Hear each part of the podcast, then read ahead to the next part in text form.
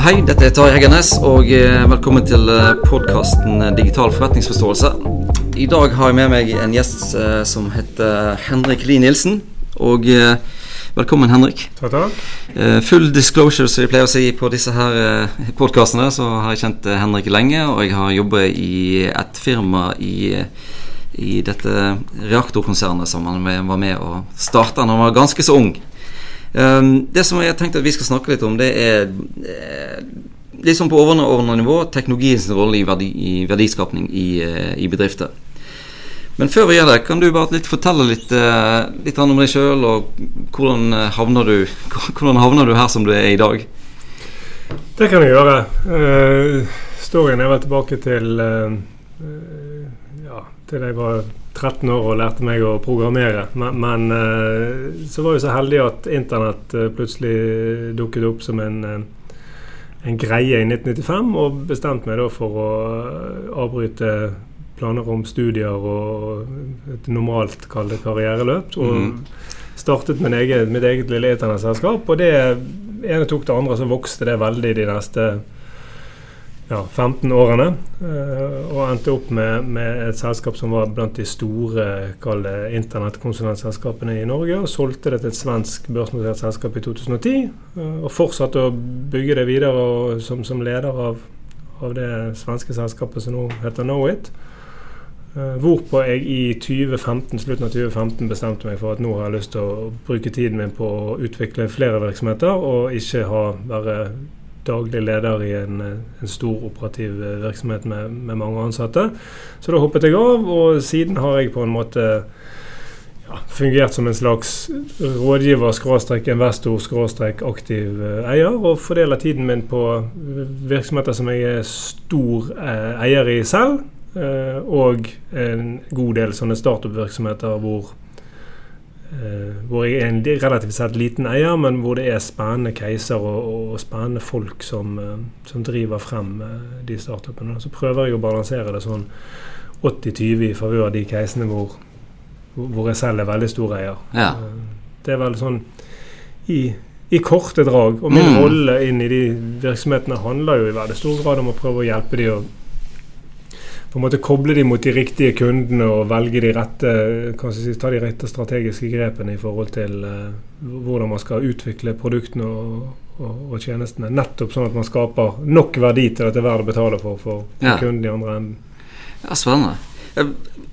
Si, kan du ta oss litt tilbake til, til denne, uh, starten av uh, internettselskapet ditt? Hva var det um, at, eh, at, at, du var inne i teknologi, det, det, det skjønner jeg jo. sant? Og, men hvordan eh, denne koblingen til forretningsdriften, hvordan fant du ut at det var noe det som, som, ble, som, lå litt for deg? Det som ble veldig spennende, var jo altså, Teknologi for teknologiens skyld er jo ja, det er, det er sikkert mange som liker det, men jeg har liksom aldri vært eh, For meg handlet det litt mer sånn om problemløsning. og Du kan sammenligne litt med å jeg håper å si bygge Lego, eller altså, mm. du har på en måte en sånn mentalt bilde av et eller annet problem du kan uh, løse, og så bruke teknologi til å faktisk løse det problemet, og så i etterkant se at du, du angrep problemstillingen riktig, og det på en måte det virket. Mm. Uh, og Det som er så utrolig kjekt med teknologi versus den fysiske verden, er jo det at hvis du gjør en eller annen feil, så er det ufattelig lett å rette opp. ja, Mens i den fysiske verden så er jo det mye mye vanskeligere. Og Det betyr jo også at i teknologi så kan du ha en mye mye, mye raskere endringstakt, og du kan si, prøver å eksperimentere og feile litt i, i, større grad enn om du bygger broer, f.eks. Mm. Det er litt mer katastrofalt hvis du ja. har gjort en, en, feil. Ja, det er sant, det. Så, så i, eh, når, når, du da du sier internettselskap, var det, var det først og fremst websider, eller var det mer database, eller hvordan det Begynte jo som en ISP, egentlig, som solgte ja. internettabonnementer. Men så begynte jo Skipsted og Telenor å omtrent gi vekk internettabonnementer, så da måtte vi lete etter noe annet å, å mm. gjøre. Så da, nå er jo det, dette her å pivotere i en startup et veldig ja. Sånn fancy ord. At man, man, går fra å ha en plan om å, hva selskapet er, til å etter hvert som man oppdager nye ting i markedet, så endrer man på en måte retning på selskapet. Så vi pivoterte vel veldig fort til å bli en virksomhet som hjalp større virksomheter om å lage forretningsfunksjoner på internett. Mer enn å, å bare, bare lage websider. Altså, vi laget eh, Allerede i 96 drev vi og laget nettbutikker, og vi lagde kredittsøknadssystemer for bilfinansiering. Og, Mm. så det vi prøvde egentlig gjorde, var at vi så at vi kunne bruke internett som, eh, som en selvbetjent kanal for Mm. større virksomheters uh, salgsstyrke. da, Istedenfor å betjene kunden på telefon eller fysisk i, Mm. i butikk eller i, i filial, så kunne vi lage internettjenester hvor kundene kunne betjene seg selv Mm. også om kvelden. Ja. Så det er jo en enorm value proposition å si det at nå kan du få et eh, kontor i cyberspace, og det er åpent 24-7, og du slipper å ha noen ansatte som betjener det. Det betjener seg sjøl. Mm. Det var jo veldig sånn framover- framoverlent i, i, i 96. Um, men eh, apropos eh, den tiden, fikk du Merkte du eh, Merkte det noe av denne dotcom-boomen? eh, Ja, ja, på sett og vis. Vi gjorde jo det. altså Det var jo helt galskap tidsperiode, og, og verdsettelsen på enkelte virksomheter var jo helt insane. Mm. Og veldig mange som hadde store vyer og visjoner som crashed and burned. Ja, ja, ja. Eh, det, det sagt, så ser du veldig mange virksomheter i dag som leverer på en del av de løftene som andre virksomheter på slutten av 90- begynnelsen av 2000-tallet hadde, men som Mm. de ikke klarte å realisere. Og det tror jeg har mer, og mer med at nå er infrastrukturen på Altså nå er alle på nett, og infrastrukturen er global. Mm. Uh, mens i 95 så var det, hadde liksom 1% av befolkningen internett. Så Ja. distribusjonskraften på nett var ikke så eh, var ikke så stor. Mm, det er sant, det.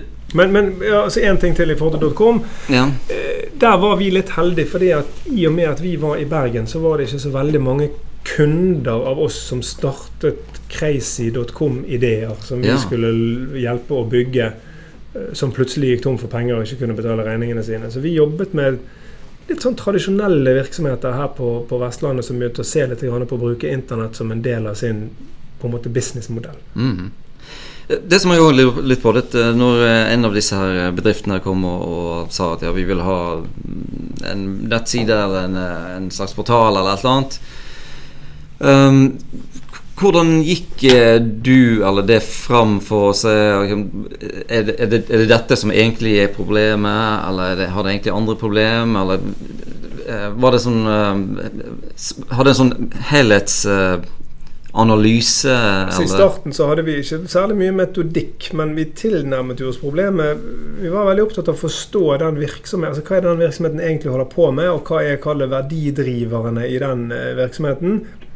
Og driver de nå prøver å dublisere noe de har analogt, og bare gjøre det digitalt, eller tilføre det digitale noe altså Kan det på en måte tilføre noe merverdi? Og det, Mm. det er jo det hele dette her digitaliseringscaset handler om. Ja, ja, ja. Uh, og da må du inn og virkelig forstå I, i, i tech-verden så kalles det for domenekompetanse. Sant? Altså, du må Mm. forstå hva er, det, hva er det denne virksomheten driver med, og hvordan leverer den verdi til sine kunder? Og hvordan kan vi bruke internett til å øke den verdien din, eller levere annen type verdi til en billigere pris på en annen måte, Mm. osv. Et, et, et prakteksempel er jo hvis du tar se, altså musikkverden. Sant? Ja. Hvis du tenker deg at du hadde gått til HMV, eller de kom til deg i 1995 og så sa de at vi ønsker å lage vi vil ha en platebutikk på nett, sånn at du Mm. kan selge plater på nett. Da har du på en måte den analoge verden, og så digitaliserer du den ved å lage en storefront. Du Ja. Kan kjøpe de samme produktene. Men den egentlige digitaliseringen av den bransjen handler om å selge produktene digitalt Mm. På nett. Ja, så, så, så, nett, så internett gjør noe mye mer fundamentalt enn å bare være en ny kanal for, for, for det gamle. Mm. Og så det har jo I musikkbransjen så har jo hele Bak det instrumentene som du lager, og eh, innspillingsstudioer og eh, markedsføringen, er jo på en måte alt Der har, der har det jo skjedd, skjedd veldig mye, mye spennende. Ja. Jeg synes Det er veldig interessant det som du sier, at, eh, at, eh, at det tidlig hadde fokus på at eh, å tilføre et eller annet mer digitalt enn å Det som, det som skjedde en del på, på, um, på slutten av 90-tallet, det var jo på en måte det som vi kaller for å sette strøm på skjema. Ja, ja, precisely. At du har på en måte Ja, ok, nå tar vi dette skjemaet her, og så er det akkurat likt, bare at det er på en skjerm. Så, så, så det, det tror jeg er en veldig bra um, det, det er en veldig bra inngangsport til um, bruk av teknologi for verdiskaping både da, men fremdeles er det der like viktig. Og det er folk som nå mer enn aldri, for jeg tror at impacten du kan gjøre nå pga. at internett er ubiquitous, heter det på engelsk. altså Det er på en måte allstedsnærværende. Mm. Alle er connected hele tiden i, i, Norge.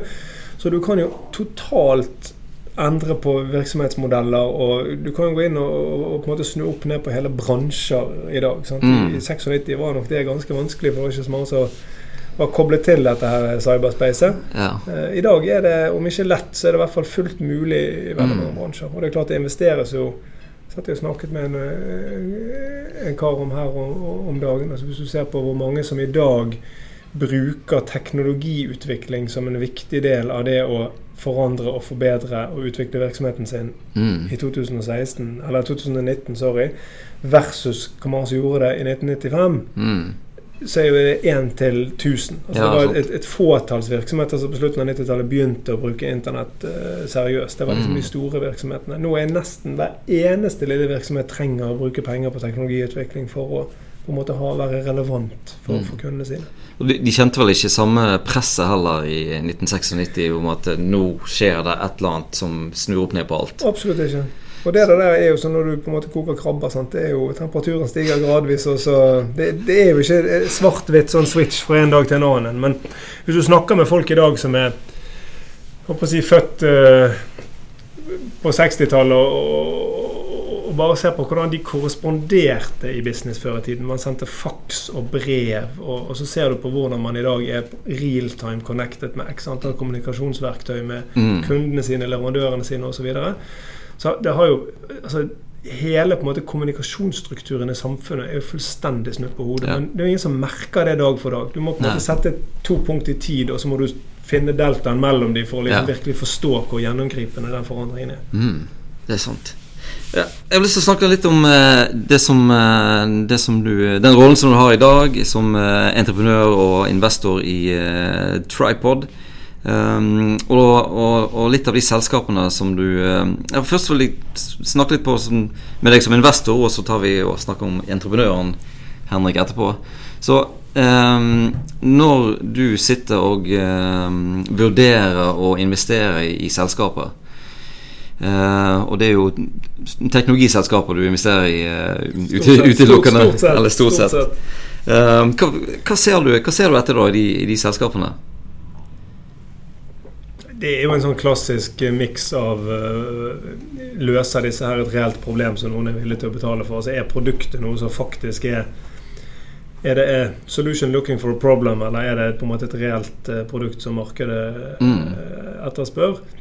Det er punkt én. Og punkt to er, er teamet av en sånn beskaffenhet at de så tror jeg på at teamet kan, kan klare å, å dra frem den virksomheten og det produktet. Og da er det litt sånn vil de være i stand til, Er de gift med ideen sin, eller vil de være i stand til å på en måte gjøre justeringer av planen sin underveis etter hvert som de lærer?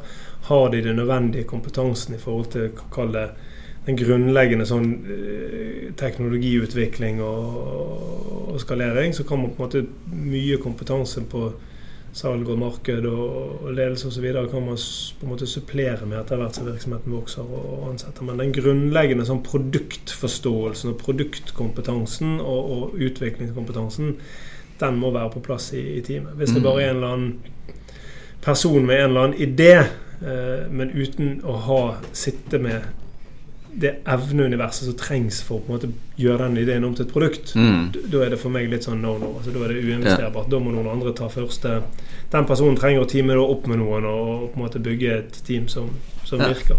Det, det er en, en felles ting som vi ser nå mellom eh, tidlig Henrik og eh, dagens Henrik, det er jo den der reelle problem.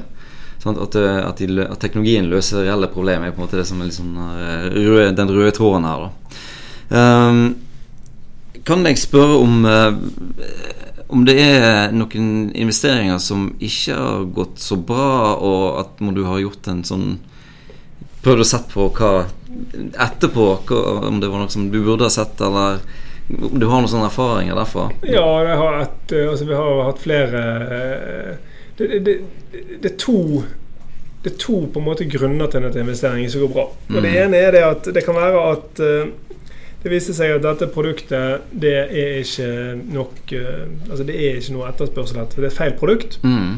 Eh, Det er på en måte eh, grunn nummer én. Eller produktet er ikke bra nok. og grunn nummer to er at det er feil team. Altså Det kan være så rett produkt som bare, det bare vil, og det kan Mm. være på en måte helt riktig tenkt i forhold til strategi, og, men teamet klarer ikke å, å løfte det. Mm.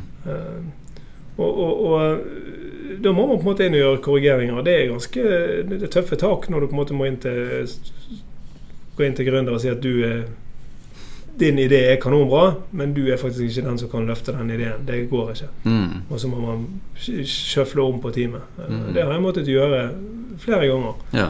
Uh, Og, og, og in the end så lykkes noen av disse tingene. Ja. Eh, Mens det andre er jo mer sånn at da har man rett og slett bare bommet på at eh, nei, det var ikke, markedet var ikke så stort som man Mm. trodde. Og, og, og, der er jo Trikset der er jo i sånne caser å kanskje ta Prøve ikke ta så stor risiko at du håper å si, ender opp som gjeldsslaven. og- så må du liksom ikke bette hele formuen din på ett case som er eh, veldig binært og, og, med lav eh, probability of suksess. da. Mm.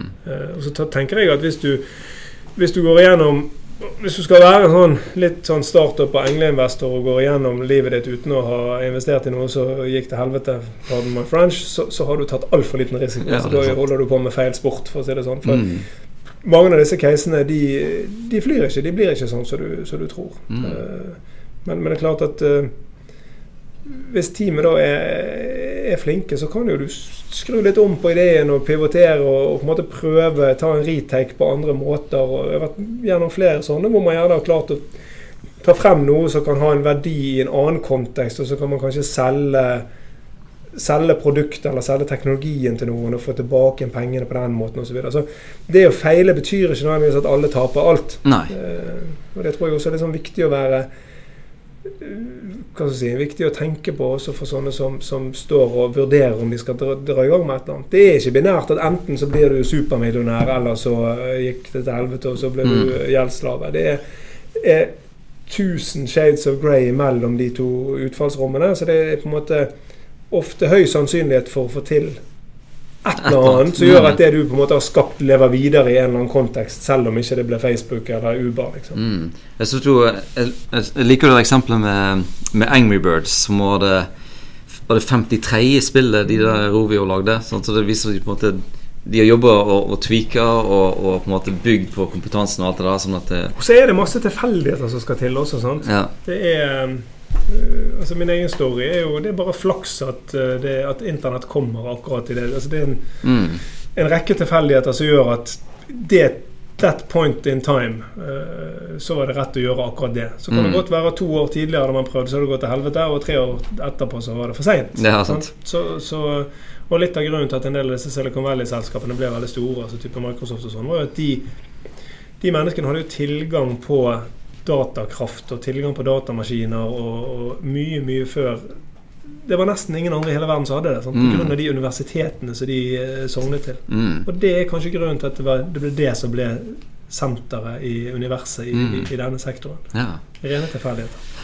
Du, eh, jeg å bare snakke litt om eh, noen av de eh, bedriftene der som du er både, både, både gründer og investor, der du er eh, hands on. Og Stack er jo et selskap som, som jeg har fulgt med på en stund, som jeg syns er veldig spennende. Kan du, kan du si litt om, om det? Og, Ja, så Kort fortalt så er det et selskap som leverer teknologiplattformer og programvare til banker for å gjøre bankene i stand til å gjøre, si, drive raskere endringstakt og, og lansere nye produkter og innovere, rett og slett. mm, Og det er klart at i, i software i bank er veldig mye gammel uh, software som er dyr å vedlikeholde og dyr å skru på. Det er vanskelig for bankene å konkurrere mot en del av disse fintech-startupene som starter litt med blanke ark uten gammel teknisk gjeld, som man kaller det. Ja. Eh, og ideen med Stekk er jo å kunne tilby bankene en, en softwareplattform hvor de kan drive og eksperimentere og jobbe i kanskje litt mindre skala og ta frem nye ideer og konkurrere med disse fintechene mm, eh, med et hastighet som er mye, mye, mye, mye, mye raskere enn det de kan med den eksisterende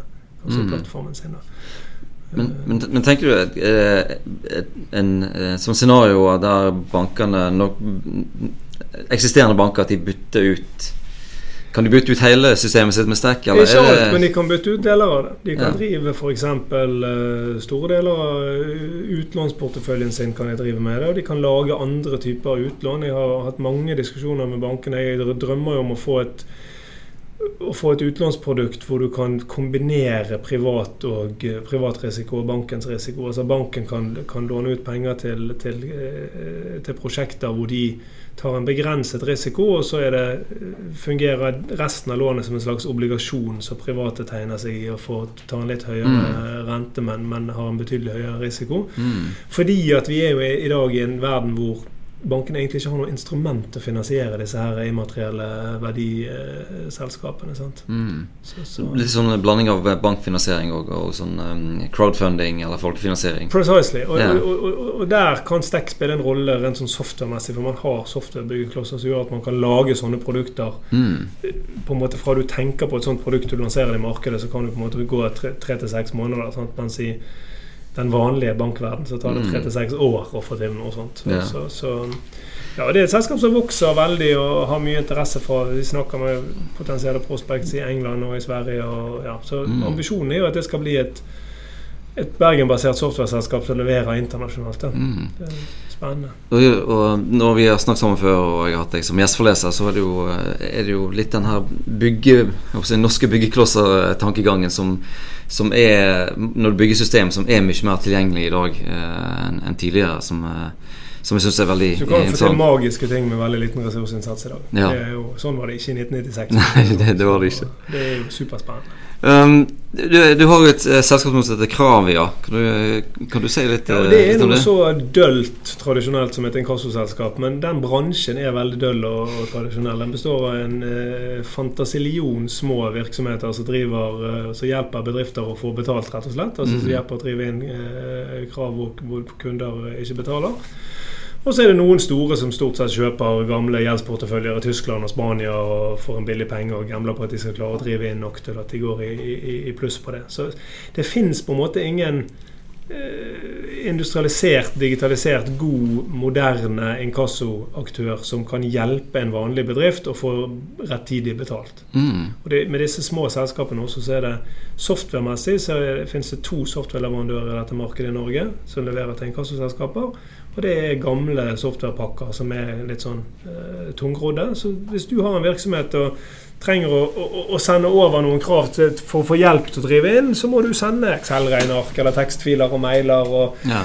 Så betaler de inn til deg og inn til en kassoselskap, og så har de betalt dobbelt. Og så er det masse administrasjon og masse hestel i bakkant. Og det, mm. det, det, siste små virksomheter trenger, er masse admin-hestel. Så, ja. så, det kravet jeg gjør, at de bare plugger seg inn i alle de skybaserte økonomisystemene, og så bare setter du hele den purre- og inkassoprosessen på autopilot. Mm. Så tar de seg av alt det, driver inn pengene, overfører de til deg, bokfører det. Du trenger ikke å tenke på det engang. Mm. Så klassisk sånn digitaliseringscase, egentlig. Ja. Um, I forhold til den kravet, så lurer jeg på den, altså, Sånn som jeg ser det, så er jo disse både kontorene og hele denne inkassobransjen er jo lagd med hovedvekt på de som skal kreve inn penger som kunder. Mens de som, er, de som har utestående penger, de er jo på en måte kunder, de òg. Så er det sånn Er det noe i Har du tenkt noe ja, ja, masse, om, masse, om masse. At, altså, vi, vi, jobber langs to akser. Sant? Det ene blir, det skal være lett å bli kunde av et sånt selskap. Det skal være lett, Hvis du kommer i likviditetsproblematikk og du trenger å, på en måte, at noen hjelper deg å drive inn fordringer, så skal det bli lett å, å bli kunde. Og på den andre siden vi skal gjøre det lett for folk å løse, altså betale de regningene. Mm. Det, det finnes jo alt fra folk som har problemer med å betale regningene, til folk som bare har glemt den i hanskerommet. men noen sånne enkle ting som å sende disse tingene på vips faktura istedenfor å sende dem på papir eh, i posten. Mm. og Rett og slett for å gjøre det mye enklere å betale i, i andre enden. Mm. Klassisk eh, ja. på en måte gjør kundeopplevelsen bedre i begge ender. da, altså Både oppstrøms og, og nedstrøms. Ja. ja, veldig bra. veldig bra. Um, så fortalte du meg eh, om et selskap som jeg ikke er kjent med, som det de kaller for Nu. Eh, som jeg syns høres veldig spennende ut. Kan du fortelle litt om, ja, eh, om det? Uh, nå er et, uh, et slags um, det, det, er et litt sånn high end, uh, kall det konsulentselskap som, som, også tar eierandeler i de casene de jobber med, eller for de oppdragsgiverne de jobber med, hvor ideen er å være samlet en gjeng med ekstremt dyktige mennesker som har bakgrunn fra type Accenture, PwC og en del av de større konsulentselskapene, som, som har et ønske om å delta mer aktivt i de problemene de er ute og, og løser. Ikke bare være sånne hired guns. Så nå har laget en forretningsmodell hvor vi hjelper større foretak til å ta ut assets de har i sin virksomhet, som kanskje er litt sånn halvustrukturert. Altså en eller annen løsning de har laget med en avdeling som løser et eller annet problem internt eller som løser et problem for to kunder osv. Så, videre, så hjelper vi de virksomhetene til å kommersialisere de assetsene som, som, på en måte, som produkter. Vi hjelper de til å skaffe ekstern finansiering. Mm. Og Da kan du på en måte tenke deg at du har et du har en større virksomhet som har, som har på en måte for egen regning utviklet noe som løser et eget problem, og så viser det seg at det er et generisk problem, så du kan gjerne skape en business som omsetter 100 millioner kroner i året mm. basert på den teknologien. Men det klarer du veldig sjeldent å gjøre inne i en stor bedrift i en eller annen avdeling, hvor du har en ressursallokeringsprosess i virksomheten som gjør at det er på en måte alltid de store kundene og de store problemene som alltid får ressursene. Mm. Da blir det litt sånn side- eller venstrehåndsprosjekter osv. Så, videre. så det er en mm. supergod value prop for, for, disse virksomhetene å si at nå tar vi, ut, tar vi, ut, den teknologien, så fortsetter man å levere til egen virksomhet, og så begynner man å bygge en business av det å levere til, eh, mm. til andre. Jeg liker den tankegangen at eh, for å få enda mer involvering av, de her, eh, av denne kompetansen, at det blir, at det, at det blir også både konsulent- og investorselskap. Ja, for da er du og Konsulenten er på en måte med og eier i de casene de jobber med. og Da får du mm. alignet interessene. Sant? For i dag er det sånn at i consulting så er det sånn at uansett om prosjektet er vellykket eller ikke, Mm. Hvis prosjektet er vellykket, så tjener konsulenten penger og kunden penger. Går prosjektet til helvete, så tjener konsulenten penger og kunden taper penger. Ja. Så det, det, er en slags misaligned incentives. Eh, mm. og her er det et forsøk på å aligne det veldig mye tettere. Mm. Og så la, la folk kunne måte bidra til gjennom arbeidsinnsatsen sin å bli eiere i, uh, i virksomheter, mm. og ikke bare sitte og være noen vanlige lønnsmottakere. Det er en, eh, ja, vi, vi har en fire-fem ulike virksomheter som vi er nå i ferd med å innenfor, altså innenfor for sirkulærøkonomi har vi ett. Vi har ett innenfor uh, betalingsinfrastruktur og betalinger. Vi har en virksomhet innenfor mobilitet. Mm. Som er sånn man på en måte Ja. ja.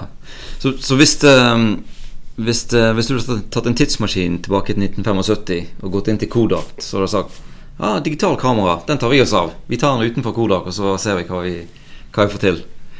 Dette er jo det er veldig interessant, og dette er jo helt i tråd med, med den her um, Clayton Christensen sin uh, disruptive invasjon. At uh, istedenfor å bli angrepet, så den, De disruptive selskapene klarer ikke helt å følge logikken til de etablerte selskapene. Så derfor er rådet fra han er jo liksom å, å bygge små, eh, fleksible ja, da, og, organisasjoner ved siden av. Og gi de 100 autonome mandater. Det er jo det som er viktig. Sant? Så når vi, i menu, når vi går inn i et case og tar ut og liksom karver ut en, en bit av et selskap og prøver å bygge et nytt selskap med det, så er det veldig tydelige premisser at det selskapet som vi karver det ut av, de kan ikke sitte der med styreflertall og på en måte ha pølsefingrene sine inn i det prosjektet på en sånn måte at de kan bremse det hvis de begynner å lykkes. Ja, så det er veldig viktig å avstemme de forventningene mm. front. Da. Ja. Dette var utrolig eh, bra og lærerik, eh, Henrik. Eh, kan vi oppsummere litt med at, at, at reelle problemer både for etablerte bedrifter, nystartede bedrifter, det er liksom litt av det er litt av hovedpoenget her med, med den teknologistøtten til, eh, til verdiskaping? Helt definitivt. Jeg tror at teknologi er, det er et verktøy. Mm. Det er et verktøy bruker du for å fikse et problem eller å si, løse noe som trenger å, trengs å, å løses. Og så er ikke det alltid du vet om problemet er reelt eller ikke. Og da er det heldigvis sånn at nå er teknologi såpass rimelig at du relativt fort kan bygge en prototyp og, og gå ut og på en måte teste det i markedet og se om det faktisk er et problem. Mm. Istedenfor å bruke millioner av kroner på å, å, lage masse skrivebordsøvelser på å på en måte forme hypoteser. Så, ja. Så, ja. Yes, ok. Tusen takk, eh, Henrik, for at du, du stilte, og eh, takk til alle som hørte på. Takk, takk.